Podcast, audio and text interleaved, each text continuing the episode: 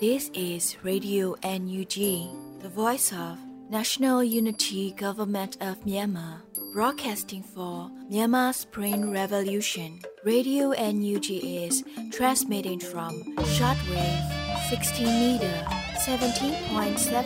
megahertz at 8:30 a.m. and 25 meter 11.94 megahertz at 8:30 p.m. Myanmar Standard Time.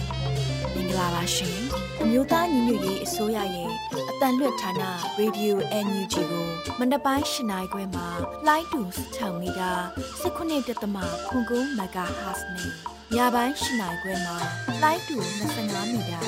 17.3ကိုလီမဂါဟတ်စ်တို့မှာဓာတ်ရိုက်ဖမ်းယူနားဆင်နိုင်ပါပြီရှင်။မင်္ဂလာအပေါင်းနဲ့ပြည့်စုံကြပါစေ။အခုချိန်ကစပြီး Radio NUG စီစဉ်လေးကိုဓာတ်ရိုက်အတန်လွှင့်ပေးနေပါပြီ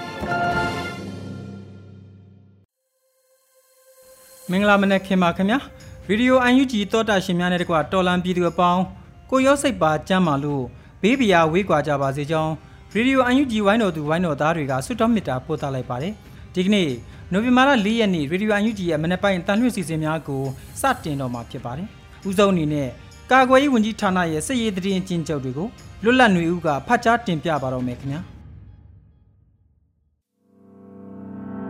မင်္ဂလာပါခင်ဗျာအခုချိန်ကစပြီးအမျိုးသားညီညွတ်ရေးဆိုရကာကွယ်ရေးဝန်ကြီးဌာနကထုတ်ပြန်တဲ့နေ့စဉ်စစ်ရေးသတင်းထုတ်ပြန်ချက်များကိုကြီးညာပေးမှာဖြစ်ပါတယ်ခင်ဗျာအမှတ်၁စစ်ဒေသအတွင်းရှိရန်သူတပ်အထိုင်စခန်းများနဲ့ရဲစခန်းများကိုတပြိုင်နက်ဝင်ရောက်စီးနင်းတိုက်ခိုက်ဆိုတဲ့သတင်းကိုဥစွာတင်ပြပါမယ်2023ခုနှစ်နိုဝင်ဘာလ3ရက်နေ့နက်နက်အာယုံတက်ချိန်မှစလို့အမှတ်၁စစ်ဒေသအတွင်းရှိစကိုင်းတိုင်းဟုံးမလင်းမြို့နယ်တမူးမြို့နယ်ကလေးမြို့နယ်ကလေးဝမြို့နယ်ကောလင်းမြို့နယ် ဝန်းတုံမြို့နယ်ကျွန်းလာမြို့နယ်နဲ့မကွေးတိုင်းဂန့်ဂေါမြို့နယ်တို့တွင်တပ်ဆွဲထားသောရန်သူတပ်ထိုင်စခန်းများရဲစခန်းများကိုပြည်သူ့ကာကွယ်ရေးတပ်မတော်တိုင်းရင်းတပ်ဖွဲ့များပြည်သူ့ကာကွယ်ရေးအဖွဲ့ပကဖာများဒေသကာကွယ်ရေးအဖွဲ့များနဲ့မဟာမိတ်တိုင်းသားတော်လှန်ရေးအဖွဲ့အစည်းများပူးပေါင်းလက်တွဲလျက်တပြိုင်နက်တည်းဝင်ရောက်စီးနင်းတိုက်ခိုက်ပြီးဆက်လက်သိမ်းပိုက်လျက်ရှိပါတယ်2023ခုနှစ်နိုဝင်ဘာလ2ရက်နေ့မှာစကိုင်းတိုင်းဟုံးမလင်းမြို့နယ်လွှစင်ကုန်းကြီးရွာရှိရန်သူတပ်အထိုင်စခန်းကုန်းကိုခန္တီခရိုင်တိုင်းရင်း1 HPTF 124 HPTF မိုဂျိုပူးပေါင်းတပ်ဖွဲ့များကဝင်ရောက်စီးနင်းတိုက်ခိုက်သိမ်းပိုက်ခဲ့ကြပါတယ်2023ခုနှစ်နိုဝင်ဘာလ3ရက်နေ့နေ့နဲ့4နာရီချိန်ခန့်တွင်စကိုင်းတိုင်းတမူးမြို့နယ်ခမ်းပတ်မြို့ဝိတုတ်ကြီးရွာရှိရန်သူတပ်အထိုင်စခန်းများကိုတမူးခရိုင်တပ်ရင်း1တမူးခရိုင်တပ်ရင်း2အထူးလှုပ်ရှားတပ်ရင်း2နဲ့ မဟာမိတ် ABSDF ပူးပေါင်းတပ်ဖွဲ့တွေဝင်ရောက်စီးနင်းတိုက်ခိုက်ခဲ့ကြပါတယ်။2023ခုနှစ်နိုဝင်ဘာလ3ရက်နေ့နနက်3နိုင်ခွဲခန့်တွင်စကိုင်းတိုင်းကလေးမြို့နယ်မြောက်စီးကျေးရွာရှိရန်သူတပ်ထိုင်စခန်းကိုကလေးခရိုင်တိုင်းရင်းလေး CNDF CDF KKG ကလေးမြို့နယ်ပြည်သူ့ကာကွယ်ရေးအဖွဲ့နဲ့မဟာမိတ်ပူးပေါင်းတပ်ဖွဲ့ကဝင်ရောက်စီးနင်းတိုက်ခိုက်သိမ်းပိုက်ရရှိခဲ့ပါတယ်။မွန်တဲ7နိုင်16မိနစ်ဝန်းကျင်တွင်အကြမ်းဖက်စစ်တပ်မှ MI35 အကြီးစားတိုက်ခိုက်ရေးရဟတ်ယာဉ်ဖြစ်၎င်းတိုက်ခိုက်ရေးလေယာဉ် Jet Fighter ဖြစ်၎င်းလာရောက်ဘုံကျဲတိုက်ခိုက်မှုရှိခဲ့ပါတယ်။2023ခုနှစ်နိုဝင်ဘာလ3ရက်နေ့နနက်3နိုင်ခွဲခန့်တွင်စကိုင်းတိုင်းကလေးမြို့နယ်ရာဇကြိုကြေးရွာနီးရှိအကျဉ်းစခန်း1နှစ်တို့ကိုအထူးလှုပ်ရှားတပ်ရင်းနှစ်ကဝင်ရောက်စီးနင်းတိုက်ခိုက်ခဲ့ပြီးအကျဉ်းစခန်းနှစ်ကိုသိမ်းပိုက်ရရှိခဲ့ပါတယ်။မွန်တဲ7နိုင်46မိနစ်ခန့်တွင်အကြမ်းဖက်စစ်တပ်မှတိုက်ခိုက်ရေးလေယာဉ် Jet Fighter ဖြင့်လာရောက်ဘုံကျဲတိုက်ခိုက်ခဲ့ပါတယ်။အကျဉ်းဦးစီးစခန်း1မှရန်သူတပ်ခန့်ရဲ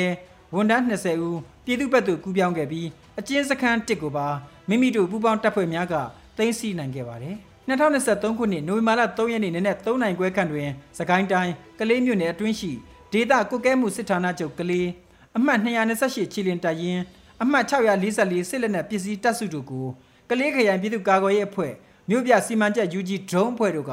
ဒရုန်း၅စီးဖြင့်တပြိုင်နက်တည်းဘုံကျဲတိုက်ခိုက်ခဲ့ပါတယ်2023ခုနှစ်နိုဝင်ဘာလ3ရက်နေ့နနက်3နိုင်ခွဲခန့်တွင်စကိုင်းတိုင်းကလေးဝမြို့နယ်အောင်ချမ်းသာကြီးရွာရှိရန်သူတပ်ထိုင်စခန်းကိုပြည်သူ့ကာကွယ်ရေးတပ်မတော်တပ်ရင်းတပ်ဖွဲ့များနဲ့မင်းကင်းမြို့နယ်ပြည်သူ့ကာကွယ်ရေးအဖွဲ့တို့မှဝင်ရောက်စီးနင်းတိုက်ခိုက်ခဲ့ပါတယ်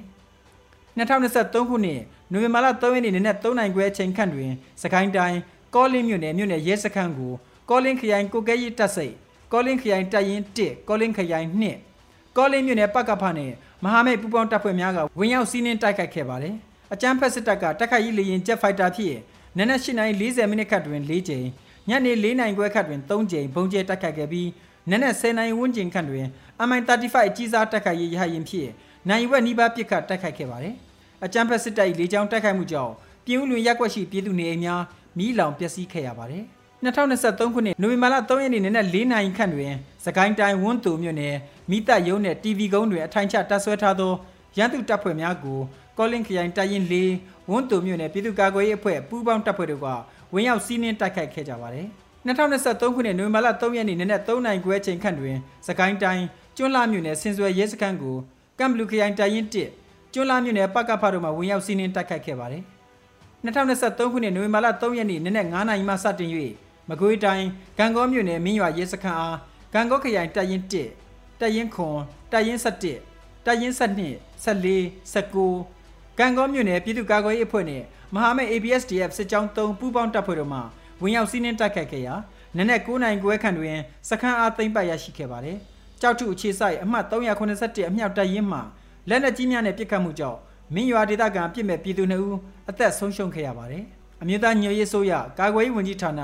ပြည်သူ့ကာကွယ်ရေးတပ်မတော် PDF နဲ့ပြည်သူ့ကာကွယ်ရေးအဖွဲ့များပကဖသည်မဟာမိတ်တိုင်းသားတော်လိုင်းအင်အားစုများနဲ့လက်တွဲပူးပေါင်းလျက်စခန်းသိမ်းတိုက်ပွဲများကိုနိုင်ငံအဝန်းမှာဟန်ချက်ညီညီဖော်ဆောင်ဆင်နွှဲလျက်ရှိပါတယ်။တိုက်ပွဲသတင်းများနဲ့နောက်ဆက်တွဲအချက်လက်များကိုစစ်ရေးအခြေအနေများပေါ်မူတည်၍ဆက်လက်ထုတ်ပြန်သွားမည်ဖြစ်ပါကြောင်းအမျိုးသားညွေရေးဆိုရကာကွယ်ရေးဝန်ကြီးဌာနပြည်သူ့ကာကွယ်ရေးတပ်မတော် PDF စစ်ရုံးချုပ်မှထုတ်ပြန်ထားပါတယ်ခင်ဗျာ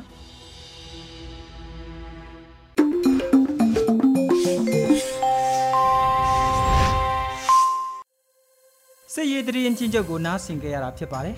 ဆက်လက်ပြီးပြည်တွင်းသတင်းများကိုနှွေဦးမိုင်ကတင်ပြပါတော့မယ်ခင်ဗျာ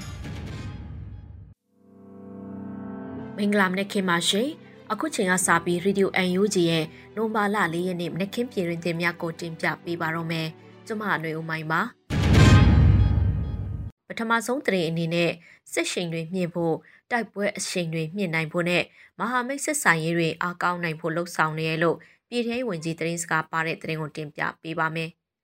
စစ်ရှိန်တွေမြင့်ဖို့တိုက်ပွဲအရှိန်တွေမြင့်နိုင်ဖို့နဲ့မဟာမိတ်ဆက်ဆံရေးတွေအားကောင်းနိုင်ဖို့လှုံ့ဆော်နေရလို့တော်လိုင်းရဲဘော်များတို့သတင်းစကားပါဆိုရမှာပြည်ထဲဝင်ကြီးဦးလုံကိုလက်ကပြောကြားခဲ့ပါတယ်။ကာကွယ်ဝင်ကြီးရောဌာနကရောကျွန်တော်တို့ရောအားလုံးကရဲဘော်တွေနဲ့အတူတူမြေပြင်မှာရှိနေတဲ့တာဝန်ယူရတဲ့နေရာမှာသာကွဲနေကြပေမဲ့ဒီတော်လှန်ရေးအောင်မြင်ဖို့အတွက်ပြစ်သားတဲ့ဆုံးဖြတ်ချက်နဲ့ ဒီတော်ဒီတောင်ဒီနေရာတွေမှာစစ်ရှိန်တွေမြင့်ဖို့တိုက်ပွဲရှိန်တွေမြင့်နိုင်ဖို့မဟာမိတ်ဆက်ဆံရေးတွေအားကောင်းနိုင်ဖို့လှုံ့ဆော်နေတဲ့ရဲဘော်တွေဘက်ကရွရွချွန်ချွန်အောင်ပွဲရသည့်အထီးတိုက်ဖို့လိုအပ်တယ်လို့ကျွန်တော်တို့ဘက်ကလည်းကျွန်တော်တို့ဝင်ကြီးတွေဝင်ကြီးရုံးတွေထမ်းဆောင်ရမယ့်တာဝန်ကိုကြည်ပွန်အောင်ထောင်းဆောင်နေတယ်လို့ဝင်ကြီးကဆိုပါတယ်လက်ရှိမှာအမျိုးသားညီညွတ်ရေးအစိုးရဟာစစ်ရှိန်မြင့်ဖို့လှုံ့ဆော်နေလက်ရှိပြီးတော့တန်တမာရေးရအရာလဲစစ်ကောင်စီကိုထိုးနှက်လက်ရှိပါတယ်ရှင်။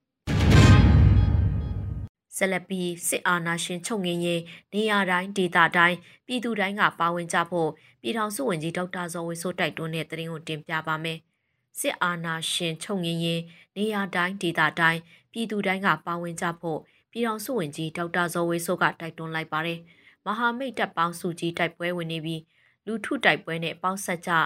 လဲနေလေအောင် မြင်းဆောင်မကြံပြည်သူတဦးချင်းတယောက်ချင်းမိမိနိုင်ရာမိမိပိုင်ရာမိမိစွမ်းရာလက်နက်နဲ့စစ်အာဏာရှင်ချုပ်ငင်ရေးနေရာတိုင်းဒေသတိုင်းပြည်သူတိုင်းကပါဝင်ကြလို့ဆိုထားပါတယ်2021ခုနှစ်စက်တင်ဘာ9ရက်မှာပြည်သူခုခံတွန်းလှန်စစ်များစတင်ဖို့အမျိုးသားညီညွတ်ရေးအစိုးရဟာကြေညာခဲ့ပြီးလက်ရှိ2023ခုနှစ်ဟာတော်လှန်ရေးအဆုံးသက်အတွက်အဆုံးဖြတ်နှစ်ဖြစ်စစ်ရေးအရှိန်ကိုမြင့်တင်လှည့်ရှိပါရရှင်။ စစ်ပွဲအတွင်းရှောင်ရံဆောင်ရံအချက်များဖြင့်လမ်းညွှန်မှုပေးထားတဲ့အချက်များကို UNG ထုတ်ပြန်တဲ့သတင်းကိုဆက်လက်တင်ပြပါမယ်။စစ်ပွဲအတွင်းရှောင်ရံဆောင်ရံအချက်များဖြင့်လမ်းညွှန်မှုပေးထားတဲ့အချက်များကို UNG ကထုတ်ပြန်လိုက်ပါတယ်။နိုဘာလ2ရက်မှာအမျိုးသမီးလူငယ်နဲ့ကလေးသူငယ်ရေးရဝန်ကြီးဌာနက social media မှတဆင့်ဖော်ပြလိုက်တာဖြစ်ပါတယ်။တစ်တုံညာနှစ်ခွန်စစ်စင်ရေးကြောင့်စစ်ပောင်ကျဲလာသည်နဲ့မြ Gorilla Warfare ကနေ urban warfare အဆင့်ဖြစ်သောမြို့သိမ်းတိုက်ပွဲအဆင့်ကိုရောက်လာတော့မည်ဖြစ်ပြီးစစ်ရဲ့သဘောတဘာဝအရပြည်သူတွေထိခိုက်မှုရှိလာနိုင်ပါတယ်လို့ဆိုပါတယ်။ပြည်သူအစိုးရဖြစ်သော UNG အစိုးရအနေနဲ့ပြည်သူများအသက်အိုးအိမ်စီစိန်ထိခိုက်ပျက်စီးမှုနေနိုင်သမျှနေအောင်မဟာဗျူဟာများချမှတ်ကျင့်သုံးလက်ရှိရလို့ဆိုပါတယ်။ collateral damages နေနိုင်သမျှနေအောင်ဖော်ဆောင်ရတွင်အမျိုးသမီးလူငယ်နဲ့ကလေးသူငယ်ရေးရာဝန်ကြီးဌာနလူသားချင်းစာနာထောက်ထားရေးနဲ့ ဘေးရန်ဆိုင်ရာစီမံခန့်ခွဲဝန်ကြီးဌာနနဲ့ပြည်သူ့ကာကွယ်ရေးနဲ့ထောက်ပံ့ရေးတပ်ဖွဲ့တို့ကပြည်သူအတွက်တောင်းပန်များဟုသောစစ်ပွဲအတွင်းရှောင်ရန်ဆောင်ရအချက်များဖြင့်လိုင်းညွှန်မှုပေးထားပြီးဖော်ပြပါလိုင်းညွှန်မှုများကိုလိုက်နာခြင်းဖြင့်မိမိတို့မိသားစုကိုအထိုက်အလျောက်ကာကွယ်နိုင်မှာဖြစ်တယ်လို့ဆိုပါရယ်အသေးစိတ်အချက်လက်များကိုအမျိုးသမီးလူငယ်နဲ့ကလေးသူငယ်ရေးရာဝန်ကြီးဌာနလူမှုကွန်ရက်စာမျက်နှာမှာဖော်ပြထားပါတယ်ရှင် ဆက်လက်ပြီးတအောင်ပြည်နယ်တပ်မဟာနှင့်စစ်ဒေသမိုးမိတ်မြို့နယ်ရှိစစ်ကောင်စီ၏ခွန်ခါတပ်စခန်းကိုတင်ပတ်ရရှိတဲ့တဲ့ရင်ကိုတင်ပြပါမယ်။တအောင်ပြည်နယ်တပ်မဟာနှင့်စစ်ဒေသမိုးမိတ်မြို့နယ်ရှိစစ်ကောင်စီ၏ခွန်ခါတပ်စခန်းကိုတင်ပတ်ရရှိခဲ့လို့တင်ရရှိပါတယ်။နိုဝင်ဘာ3ရက်မှာ PSLF GNLA ကစစ်ရေးတရင်ကိုအတည်ပြုဆိုပါတယ်။ တစ်တုံရနှစ်ခွန်စစ်စင်ရေးဖြင့်တအောင်ပြည်နယ်တပ်မဟာနှင့်စစ်ဒေသမုံမိတ်မြို့နယ်ရှိစစ်ကောင်စီ၏ခုံခါတပ်စခန်းကိုနိုမာလာ3ရက်နေ့နနက်ပိုင်း4နာရီအချိန်ခန့်တွင်တအောင်တပ်မတော် PSLF TNLA မှတွားရောက်ရှင်းလင်းသိမ်းပိုက်နိုင်ခဲ့ပြီးစစ်ကောင်စီတပ်စခန်းအတွင်းစစ်အုံဆောင်ပစ္စည်းများနဲ့ရိတ်ခါများသိမ်းဆည်းရမိခဲ့ပါတယ်။အလားတူတပ်မဟာ6စစ်ဒေသလာရှိုးမြို့နယ်မိုင်းချက်တပ်စခန်းတွင်စစ်ကောင်စီတပ်မှထောက်ပိုလင်းဖြင့် ချပေးသည့်လက်နက်ခဲယမ်းများကိုလည်းတအောင်တပ်မတော် PSLF GNLA မှခဲယမ်း9တက်တာပြစ်ခတ်ဖျက်ယူနိုင်ခဲ့လို့ဆိုပါရရှင်တစ်တုံရနှစ်ခွန်စစ်စင်ရဲ့ရှေ့ရမြောက်တွင်မြန်မာအမျိုးသားဒီမိုကရက်တစ်မဟာမိတ်တပ်မတော် MNDAA သည်စစ်ကောင်စီကိုကန်ခရိုင်ဝတ်နေကျွမ်းစခန်းနဲ့ရွှေရှန်ဒေသတာရွှေထန်ရွာအုပ်စု6ပါးကြိုက်တပ်စခန်းများကိုအောင်မြင်စွာတိုက်ခိုက်သိမ်းယူခဲ့တဲ့တဲ့ရင်ကိုဆက်လက်တင်ပြပါမယ် တစ်တုံရနှစ်ခွန်စစ်စင်ရေးရှေ့ရမြောက်တွင်မြန်မာအမျိုးသားဒီမိုကရက်တစ်မဟာမိတ်တပ်မတော် MNDAA သည်စစ်ကောင်စီကိုကန်ခရိုင်ဝတ်နင်ကျွမ်းစခန်းနဲ့ရွှေရှန်ဒေတာတာရွှေထန်ရွာအုပ်စု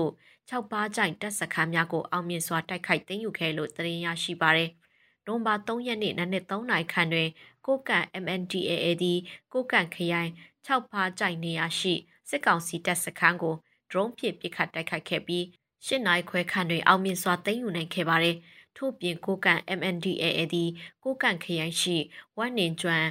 ရှိမိန်ခိုင်နဲ့ကြံကြားလေကွင်းတက်စခန်း3ခုကိုနက်နက်9:33မိနစ်မှစတင်တိုက်ခတ်ခဲ့ပြီး9နာရီအချိန်တွင်အပိသက်သိမ်းယူနိုင်ခဲ့ပါတယ်။နိုမာလာ2ရက်နေ့ည12:22အချိန်တွင်မူပန်သိမ့်နိခရိုင်မေဟန်ကျေးရွာအနီးရှိစက်ကောင်စီ၏စစ်စီရေးဂိတ်ကိုကိုကန့် MNDAA မှ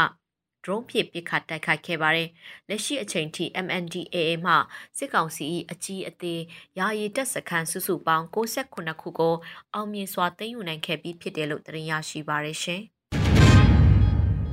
ပခုတ်ကုံမြို့မှမြိုင်မြို့ဖက်သို့ထွက်ခွာလာခဲ့တဲ့စစ်ကောင်စီရင်သားအားပြပမိုင်းများနဲ့တိုက်ခိုက်ခဲ့တဲ့တရင်ကိုနောက်ထပ်တင်ပြပေးပါမယ်။ပခုတ်ကုံမြို့မှမြိုင်မြို့ဖက်သို့ထွက်ခွာလာခဲ့တဲ့စစ်ကောင်စီရင်သားအားပြပမိုင်းများနဲ့တိုက်ခိုက်ခဲ့လို့ နိုမာ3ရက်မှာမြိုင်ပြည်သူ့ကာကွယ်တပ်ဖွဲ့ကအတီးပြုတ်ဆိုပါတယ်။နိုမာ2ရက်နေ့ည10:00နာရီခန့်တွင်အင်အားတရာဝန်းကျင်ပါသည့်ခွေးကားလေးစီးသည့်ပခုတ်ကုံမြို့မှမြိုင်မြို့ဖက်သို့ထွက်ခွာလာခဲ့ပြီးအဆိုပါစစ်ကောင်စီကားတန်းအားကြောက်ဆောက်ကျေးရွာနှင့်ထန်ငယ်တောရွာကြားတွင်ဘိုးမွေဆိုးအဖွဲမှည7နာရီမိနစ်40ခန့်၌ပရိသအတွဲ2ပွိုင်းပေပါမိုင်း2ပွိုင်းဖြင့်၎င်းနှလုံးလှလူမိုက်အဖွဲမှပရိသအတွဲ2ပွိုင်း M Downey အဖွဲ့မှပေပါမိုင်းတပွဲတို့ဖြင့်တိုက်ခိုက်ခဲ့ပါတယ်လို့ဆိုပါတယ်။ထိုစစ်ကြောင်းသည့်အထီနာကစီလောင်ကျေးရွာသို့ဝင်ရောက်ပြီးနေအိမ်သုံးလုံးမိရှို့ပြီးအသက်80ကျော်အမေအိုတယောက်အားမိရှို့တပ်ဖြတ်သွားခဲ့ပါတယ်။စစ်ကောင်စီများအထီနာသွားသည်ဟုသိရှိရပြီးမြိုင်မြို့မှဈေးရုံထဲသို့စစ်ကောင်စီလူနာများလာရောက်ပို့ဆောင်သွားခဲ့ပါတယ်ရှင်။ မီးလောင်ချောင်းကြာအင်းစိတ်ကြီးမြို့ဗျူဟာကုန်းခမရ143အားကာကွယ်တပ်များကဒုံးကျည်6လုံးပစ်ခတ်ရာလေးလုံးရန်သူ့အနီးကြားရောက်ပောက်ကွဲခဲ့တဲ့တဲ့ရင်ကိုဆက်လက်တင်ပြပါမယ်။နိုမာ2ရက်နေ့မနက်9:00နာရီမှစ၍ကရင်ပြည်နယ်မီးလောင်ချောင်းကြာအင်းစိတ်ကြီးမြို့ဗျူဟာကုန်းခမရ143အားကာကွယ်တပ်များကဒုံးကျည်6လုံးပစ်ခတ်တိုက်ခိုက်ခဲ့လို့ Saw Dragon Drone Force ကအတည်ပြုပါတယ်။စစ်စင်ရေးတွင် SDDF တပ်ဖွဲ့မှ drone ကြီး6လုံးပစ်ကာလေးလုံးရန်သူအနီးကြားရောက်ပောက်ကွဲခဲ့ပါတယ်။ရန်သူဘက်မှလက်နက်ကြီးများ MI35 ရဟရင်ဖြင့်တိုက်ခိုက်မှုရှိခြင်းကြောင့်တော်လိုင်းအင်အားစုဘက်မှအထိအခိုက်ကြဆုံးများလည်းရှိခဲ့ပါတယ်ရန်သူအထိခိုက်အကြဆုံးစီအားဆုံးစမ်းလှည့်ရှိပြီးမကြာခင်ထုတ်ပြန်မယ်လို့ဆိုပါတယ်ရှင်။ စိတ်ကြီးမြို့အတွင်းသို့စစ်ကောင်စီလက်နက်ကြီးပစ်ခတ်မှုများနဲ့လေကြောင်းတိုက်ခိုက်မှုများကြောင့်အရက်သား2ဦးထိခိုက်ဒေဆုံးခဲ့ပြီး9ဦးထိခိုက်ဒဏ်ရာရရှိခဲ့တဲ့တဲ့ရင်ကိုနောက်ထပ်တင်ပြပေးပါမယ်။2023ခုနှစ်နိုဝင်ဘာလ2ရက်နေ့တွင်ကရင်အမျိုးသားလွတ်မြောက်ရေးတပ်မတော်နှင့်တော်လှန်ရေးတပ်ဖွဲ့ဝင်များသည်ဒူးပလာရိုင်ခရိုင်နှုတ်တကောမြို့နယ်စိတ်ကြီးမြို့ရှိစစ်ကောင်စီတပ်ဖွဲ့များကိုပစ်ခတ်တိုက်ခိုက်မှုပြုလုပ်ခဲ့ကြတယ်လို့သိရပါတယ်။ တုံးပြန်တိုက်ခိုက်သည့်အနေဖြင့်စစ်ကောင်စီတပ်သားများသည်စိတ်ကြီးမြို့အတွင်းသို့လက်နက်ကြီးပစ်ခတ်မှုများပြုလုပ်ခဲ့ပြီးလေကြောင်းတိုက်ခိုက်မှုလည်းပြုလုပ်ခဲ့ပါတယ်။စစ်ကောင်စီတပ်သားများ၏တုံ့ပြန်တိုက်ခိုက်မှုများကြောင့်အရက်သား2ဦးထိခိုက်ဒေဆုံးခဲ့ပြီးကိုဦးထိခိုက်ဒဏ်ရာရရှိခဲ့ကတိုက်ခိုက်မှုများကြောင့်နေအိမ်အချို့လည်းထိခိုက်ပျက်စီးခဲ့ရပါတယ်ရှင်။ရှမ်းပြည်နယ်မြောက်ပိုင်းပဲခူးတိုင်းအရှေ့ချမ်းနဲ့ကရင်ပြည်နယ်တွေမှာ နေရဆွန့်ခွာရသူလူဦးရေ2000ကျော်ရှိလာတဲ့သတင်းကိုနောက်ဆုံးတင်ပြပါမယ်။ရှမ်းပြည်နယ်မြောက်ပိုင်းပဲခူးတိုင်းအရှေ့ချမ်းနဲ့ကရင်ပြည်နယ်တွေမှာနေရဆွန့်ခွာရသူလူဦးရေ2000ကျော်ရှိလာတယ်လို့ UNOCHA မြန်မာကအသိပေးထုတ်ပြန်ပါတယ်။ရှမ်းပြည်နယ်မြောက်ပိုင်းနဲ့မြန်မာနိုင်ငံအရှေ့တောင်ပိုင်းမှာလက်တလောပြင်းထန်လာတဲ့တိုက်ပွဲတွေနဲ့ပတ်သက်ပြီးကနဦးအစီရင်ခံစာအရရှမ်းပြည်နယ်မြောက်ပိုင်းပဲခူးတိုင်းအရှေ့ချမ်းနဲ့ကရင်ပြည်နယ်တွေမှာနေရစွန့်ခွာရသူ 26,000နီးပါးရှိလာပြီးဖြစ်တယ်လို့ဆိုပါတယ်။ရှမ်းပြည်နယ်မြောက်ပိုင်းမှာမြို့နယ်22မြို့နယ်ရှိတဲ့အနက်ကိုမြို့နယ်မှာလက်နက်ကင်တိုက်ပွဲတွေဖြစ်ပွားနေတာကြောင့်နေရစွန့်ခွာရသူအသစ်တွေတိုးပွားလာပြီးလူသားချင်းစာနာမှုဆိုင်ရာလိုအပ်ချက်တွေလည်းမြင့်တက်နေရလို့အစီရင်ခံစာကဆိုပါတယ်။ထို့အတူကရင်ပြည်နယ်နဲ့ပဲခူးတိုင်းအရှေ့ချမ်းရှိမြို့နယ်၃မြို့နယ်မှာလက်နက်ကင်တိုက်ပွဲတွေဖြစ်ပွားခဲ့ကြောင်းသိရှိရပါတယ်ရှင်။ အခုတင်ပြခဲ့တဲ့သတင်းတွေကို Radio UNG သတင်းထောက်မင်းတီဟန်ကပေးပို့ထားတာဖြစ်ပါတယ်ရှင်။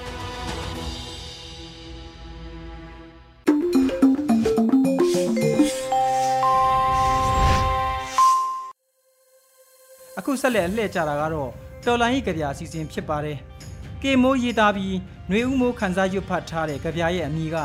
တမိုင်းတစ်ခေတ်ထွတ်ဆက်ခဲ့တဲ့ຫນွေဦးလို့အမည်ရပါတယ်ခင်ဗျာ။တမိုင်းတစ်ခေတ် ထွတ်ဆက်ခဲ့တဲ့ຫນွေဦး။အော်နှစ်ကာလတွေပြန်တွက်စစ်ကြည့်တော့မှဆယ်ခုနှစ်40နာကတ်နေပြီ။ဘာမှမဖြစ်သလိုနေထိုင်ရင်ပြန်တွေးမိတော့ရင်ထဲမချိအောင်နာတယ်။ဒဏ်ရာတွေနဲ့ရေထပ်ဖို့အလေအကျင့်ရခဲ့။ပလင်ပေါ်ကမြောက်ထိုင်ရမထသေးသမျှတို့အနာကရှေ့ရီကမသေးခွဲ။ ကဲအရွေတစ်ခုအထွတ်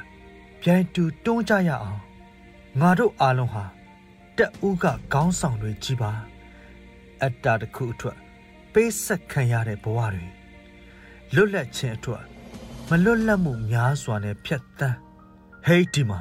ရေတကုံလိုကိုလန်းကိုပေါက်ပြီးသွေးနဲ့ရင်းမှရလာမဲ့တမိုင်းအစ်စ်အတွက်ကိုအလောင်းကိုထမ်းပြရစီတေတဲ့အထိတော်လန်ကြမယ်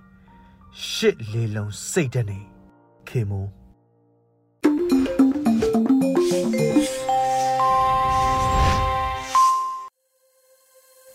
ရေဒီယိုအန်ယူဂျီမှာဆက်လက်တန်လှည့်လျက်ရှိပါတယ်အခုတခါတည်င်းနဲ့အတူလူလူစကားသံအစီအစဉ်ကိုနားဆင်ရဖို့ရှိပါတယ်မြန်မာကုန်စည်များတင်ပို့ဖို့ခက်ခဲလာသလိုတရုတ်နယ်စပ်ကဝင်လာတဲ့ကုန်ပစ္စည်းများလည်းရပ်တန့်နေဆိုတဲ့ခေါင်းစဉ်နဲ့ တည်င်းနဲ့အတူလူလူစကားသံအစီအစဉ်ကိုလွတ်လပ်နေဦးကဖတ်ကြားတင်ဆက်ထားပါတယ်ခင်ဗျာရေဒီယိုအန်ယူဂျီတောတာရှင်များခင်ဗျာအခုနားဆင်ရမယ့်အစီအစဉ်ကတော့တည်င်းနဲ့အတူလူလူစကားသံအစီအစဉ်ပဲဖြစ်ပါတယ်ရှမ်းပြည်မြောက်ပိုင်းနေဆက်ကုန်သွယ်ရေးလုပ်ငန်းများရပ်ဆိုင်းသွားတဲ့အတွက်မြန်မာကုန်စည်များတင်ပို့ဖို့ခက်ခဲလာသလိုတရုတ်နယ်စပ်ကဝင်လာတဲ့ကုန်ပစ္စည်းများလည်းရပ်တန့်နေပါတယ်ဒီသတင်းကိုမကြီးမုံကပေးပို့ထားပါတယ်အာနာသိန်းစစ်တပ်ရဲ့အကြမ်းဖက်ဖိနှိပ်မှုတွေကို တိုင်းသားလက်နက်ကိုင်ညီနောင်မဟာမိတ်တပ်ဖွဲ့တွေနဲ့ပြည်သူ့ကာကွယ်ရေးတပ်ဖွဲ့တွေပူးပေါင်းပြီးစစ်မျက်နှာဖွင့်ချေမှုန်းလာတာဖြစ်ပါတယ်အော်တိုဘာလ29ရက်နေ့မနက်6နာရီကစပြီးလာရှိုးမှချင်းရွှေဟော်နဲ့လာရှိုးမှမူဆယ်ပြည်တော်စုလမ်းမကြီးတွေကိုအရေးပေါ်ပိတ်ပင်လိုက်တဲ့အတွက်စစ်စင်ရေးအရှိန်ကိုမြင့်တင်လိုက်တာဖြစ်ပါတယ်လက်တလုံးမှာတော့မန္တလေးတိုင်းနဲ့ရှမ်းမြောက်နယ်စပ်ဖြစ်တဲ့နောင်ချိုမြို့နယ်ကစလို့ချင်းရွှေဟော်နဲ့မူဆယ်105မိုင်ကုံသွယ်ရေးဇုံတွေကိုဖျက်ဆီးသွားလာလို့မရဘဲ ကုံသွယ်ရေးလုပ်ငန်းများလုံးဝရပ်ဆိုင်းသွားတာဖြစ်ပါတယ်ဒီအခြေအနေကိုမူဆယ်105မိုင်ကုံသွယ်ရေးဇုံမှာကောက်ပဲတိနံကုံစီတိုင်းတစ်ခုရဲ့တာဝန်ခံဖြစ်သူကအခုလိုပြောပြပါတယ်။ဒီလေးတွေဒီကျင်တယ်လို့ပုံမှကိုဗစ်အခြေအနေဆိုတော့ပြောလို့ရတယ်နော်ဒီအခြေအနေကြီးကြတော့ကမ်းမမြင်လားမမြင်ပေါ့ဘယ်တော့ကြာမလဲမသိဘူးအခြေအနေကတာပဲလေအခြေအနေကတော့လုံးဝ လောင်လူတွေတော့မောင်မိုက်နေတာပေါ့လေမူဆယ်ဈေးကွက်ကိုတိကတင်ပို့နေတဲ့ဂျုံပဲမျိုးစုံစီထွက်သီးနှံနဲ့ကုံစီအမျိုးအစား100လောက်ကုံသွဲမှုပြုနေတဲ့မန္တလေးကုံစီတိုင်းလိုလူများတဲ့ပွဲစားကုံတယ်ဆက်ပိုင်များမဟာကထိန်တော်အသင်းမှာတော့လမ်းပိတ်လိုက်တဲ့မနေ့ပိုင်းမှာပဲအယောင်းဝယ်တွေရပ်ဆိုင်ခဲ့တယ်လို့ဆိုပါတယ်အဲနှမ်းမျိုးစုံနှမ်းမျိုးစုံတော့နှမ်းကျူနှမ်းနဲ့နှမ်းညူပေါ့ဗျာအဲ့ဒါရဲ့ပဲဒီစိတ်ပဲဒီစိတ်မျိုးစုံနောက်မြေပဲလုံးစံ ရှိနေအကုန်လုံးကအဲ့ဒါကဗမာပြည်နန်းလေးကမင်းထားပြီးတော့မှကျွန်တော်တို့ချင်းချီရောလူဆယ်တက်ကိုသွားကြတာပေါ့လေသွားတဲ့အခါမှာဒီနေ့မနေ့ဆိုရင်အဲ့ဒီပစ္စည်း၃မျိုးဟာအဲ့ဒီတင်လဲကြားလဲကြားတယ်ကျွန်တော်လည်း line ပေါ်မှာတွေ့ရတာပေါ့လေနော်ဖြစ်သွားတဲ့ကိစ္စကဈေးခွက်ကဖြစ်သွားတယ်လုံးဝကိုဈေးခွက်မဖြစ်တော့ဝယ်မဲ့လူကလည်းမဝယ်ရဲဘူးအဲ့ကြတော့ဝယ်မဲ့လူက တင်းကဝယ်တာဟိုသူတို့ပြုတ်သွားမှတူတော့ဝယ်တော့သူတို့မဝယ်တော့ရောင်းတဲ့လူကပဲစိတ်ကြကြပါဒီတိုင်းထိုင်နေကြမြမလဲရထွက်ကုန်ကောက်ပဲတိနံဈေးခွက်ကတရုတ်နယ်စပ်ကိုအများပြားတင်ပို့နေတာဖြစ်ပါတယ်။ဆန်နဲ့ဆန်ထွက်ပစ္စည်းကစလို့ပဲမျိုးစုံစီထွက်တိနံအစိတ်ထုတ်ပြောင်းဖယဲတခွားမွေထောပတ်စတဲ့တစ်သီးဝလံတွေကစ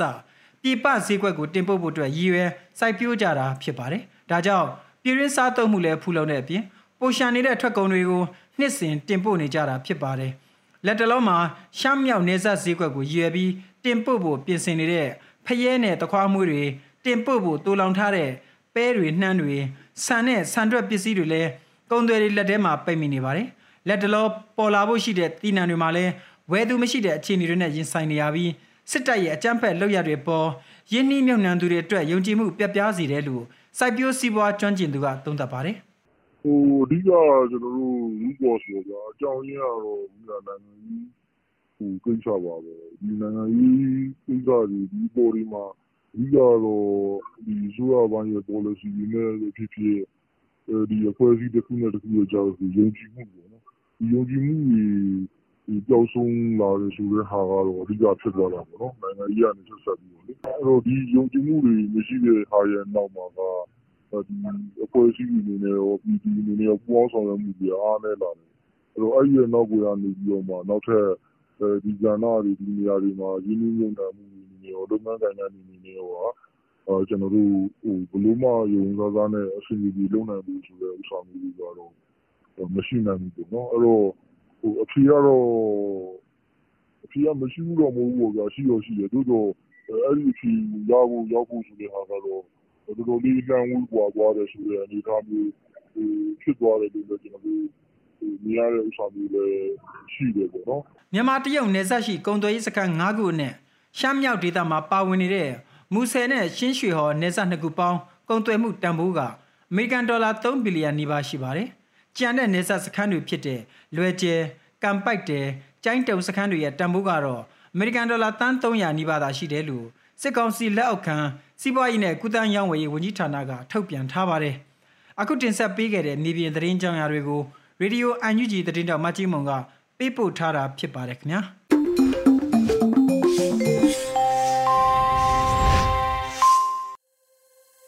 အမျိုးသားညွရေးဆိုရဆက်သွယ်ရေးတည်င်းချက်လက်နဲ့ဤပညာဝန်ကြီးဌာန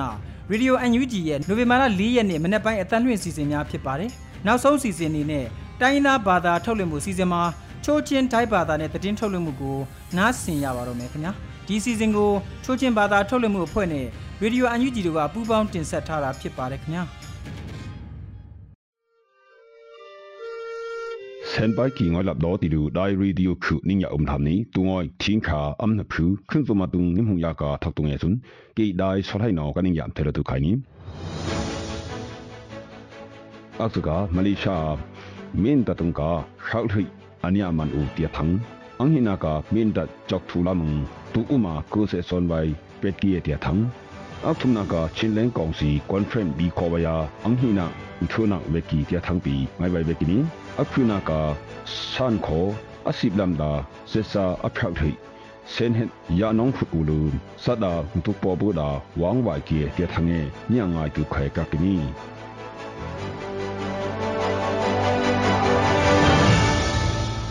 မလေးရှားဘဲကွာလာလမ်ပူတီစထရစ်ဆလင်ပမ်လူအာဟိခါဂူယခုံမင်းတန်ဟင်ကာခရန်းဟောက်ထိဆွန်းအနိယမန်ပီလူဟူမမနောပက်ကနီအီမာအနိဝေနာကာအနိယမန်အီကွန်တီတာကုမ်ဟုမတ်မင်းတတုံကာဒုံတာဆွေကီတီလူအပနာကကနီမလေးရှားဘွိုင်နောငစင်းနာကုဘီကီယေဆွန်းယာဆွီဟမ်ပင်မန်လော်ကီအနိတယာကကနီ Alliance of Chin Refugees ECR နော် Pexia Veki Bakhange Khongpea Athum ani luk lambai Mayaman aning khon ge bai moi kha akom hbung yam soi kini Bakhang Mayaman e olu bun preina ave lu ba thikupi veki tilu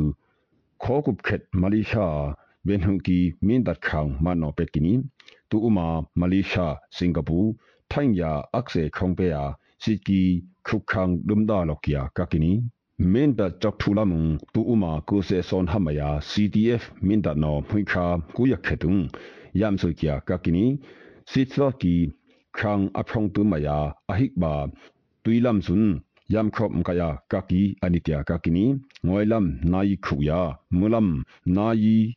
ခါကူယခေတုံယမ်ဆုကီယာကကိနီစစ်သကီခန်းအဖုံတူမ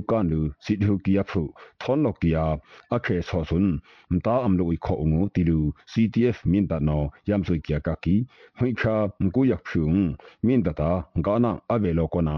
se sapu no ya su set lo de pia kakini ချင်းလန်းကောင်စီကွန်ဖရင့်ဘီခေါ်ဝယာ CNF ခူ MBA လူနေအဖုဖုံဆုံအကီငွေကီယာ Working Committee for Chinlen Council Conference WCCCC အန်ဟိနာထိုနာဘီကေကကီနီမွိခါမကူယဖုံတူနီဥလူငူယခေစပါ Chinlen Constitution Draft Sun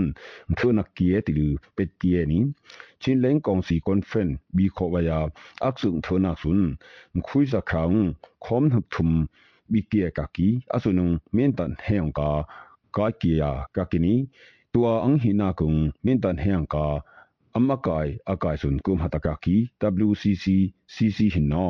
Chinlen Constitution tuim donang thum sun lukthet uru Chinlen Kongsi Conference bi khowaya thana lu khuinak kie tilu huikram kuya khethang wekini ရှန်ခိုအစိဘလမ်ဒါစေစပွေအကယာငါအနင်းခိုလိုဝယာ อันยามโซยักบาวังลอกีอัพราลอนฮงกีติลูงตุกปอกงเบงนา MNTAE TNLE ยา EE ทุมนอมวยคราทุมกิบยามาตุงทังอันิปราวเวกินีมวยคราทุมกิบุงกวนดุมดุนแหกำไม่เหียทนงอกีก็ลายาอัพรายาพฤกิบยาทุมตายีนงเซซาพฤกิบยามหาสุนทุกหอยอุลูสดาวังวาเกียกากินีมวยครา ตุงปีกูกันเฮียเจสาฮัลิมฮาซุนเซนเฮงสักยานยาเซอูลูวางดาวางไวเกกักนีวางไวเกียงชุนอติงาฮัลิมฮาซิมอันยาเปติลูกูกะทังเวกินี operation 1027อันนี้ตุนเอคอมหุมหังอันนี้สนางฮูเบขยาเจสาอัพรักถอยวางลนหงกีติลู EE PNLE MNDEE นอဖိခါทุมกิบยามาตุงทังอักปราเวกินีลาชูชินชุยหอนองชูติงนีโม ထုံကိဗျာမတုံသငါပရဝေကိနီလာရှုချင်းရွှေဟောနောင်ချူတင်းနီမိုးကုမုံကူဖောင်းဆိုင်လွန်ဟဲငကဆက်စာကောကိတီလူတန်ချကတိကန်ပုတ်ကီယာစင်ဟန်အောက်ဒပ်ဒါအနိရာအိုတီလူကိုကန်ထန်ဟွာကကိနီစုငိုင်းကီနုပဘေနာနင်းရယေနာနီလောဘေတုကီခွန်းဇုံနင်းခုမ်ဘေတုကမူ ဒီကနေ့ကတော့ဒီညနေပဲ Radio NUG ရဲ့အစီအစဉ်လေးကိုခေတ္တရ延လိုက်ပါမယ်ရှင်မြန်မာစံတော်ချိန်မနေ့၈နိုင်ခွဲနဲ့ည၈နိုင်ခွဲအချိန်တွေမှာပြောင်းလဲဆိုပြကြပါလို့ရှင် Radio NUG ကိုမနေ့ပိုင်း၈နိုင်ခွဲမှာလိုင်းတူ16မီတာ19.7မဂါဟတ်နဲ့ညပိုင်း၈နိုင်ခွဲမှာလိုင်းတူ25မီတာ17.9မဂါဟတ်တို့မှာဓာတ်ရိုက်ဖမ်းယူ နာဆင်နိုင်ပါပြီရှင်။မြန်မာနိုင်ငံသူနိုင်ငံသားများကိုစိတ်နှဖျားစမ်းမချမ်းသာလို့ဘေးကင်းလုံခြုံကြပါစေလို့ Radio NUG ရဲ့ဖွဲ့သူဖွဲ့သားများကဆုတောင်းလိုက်ရပါတယ်။ San Francisco Bay Area အခြေစိုက်မြန်မာမိသားစုများနဲ့နိုင်ငံတကာကစေတနာရှင်များလိုအားပေးမြရဲ့ Radio NUG ဖြစ်ပါတယ်ရှင်။အရေးတော်ပုံအောင်ရမည်။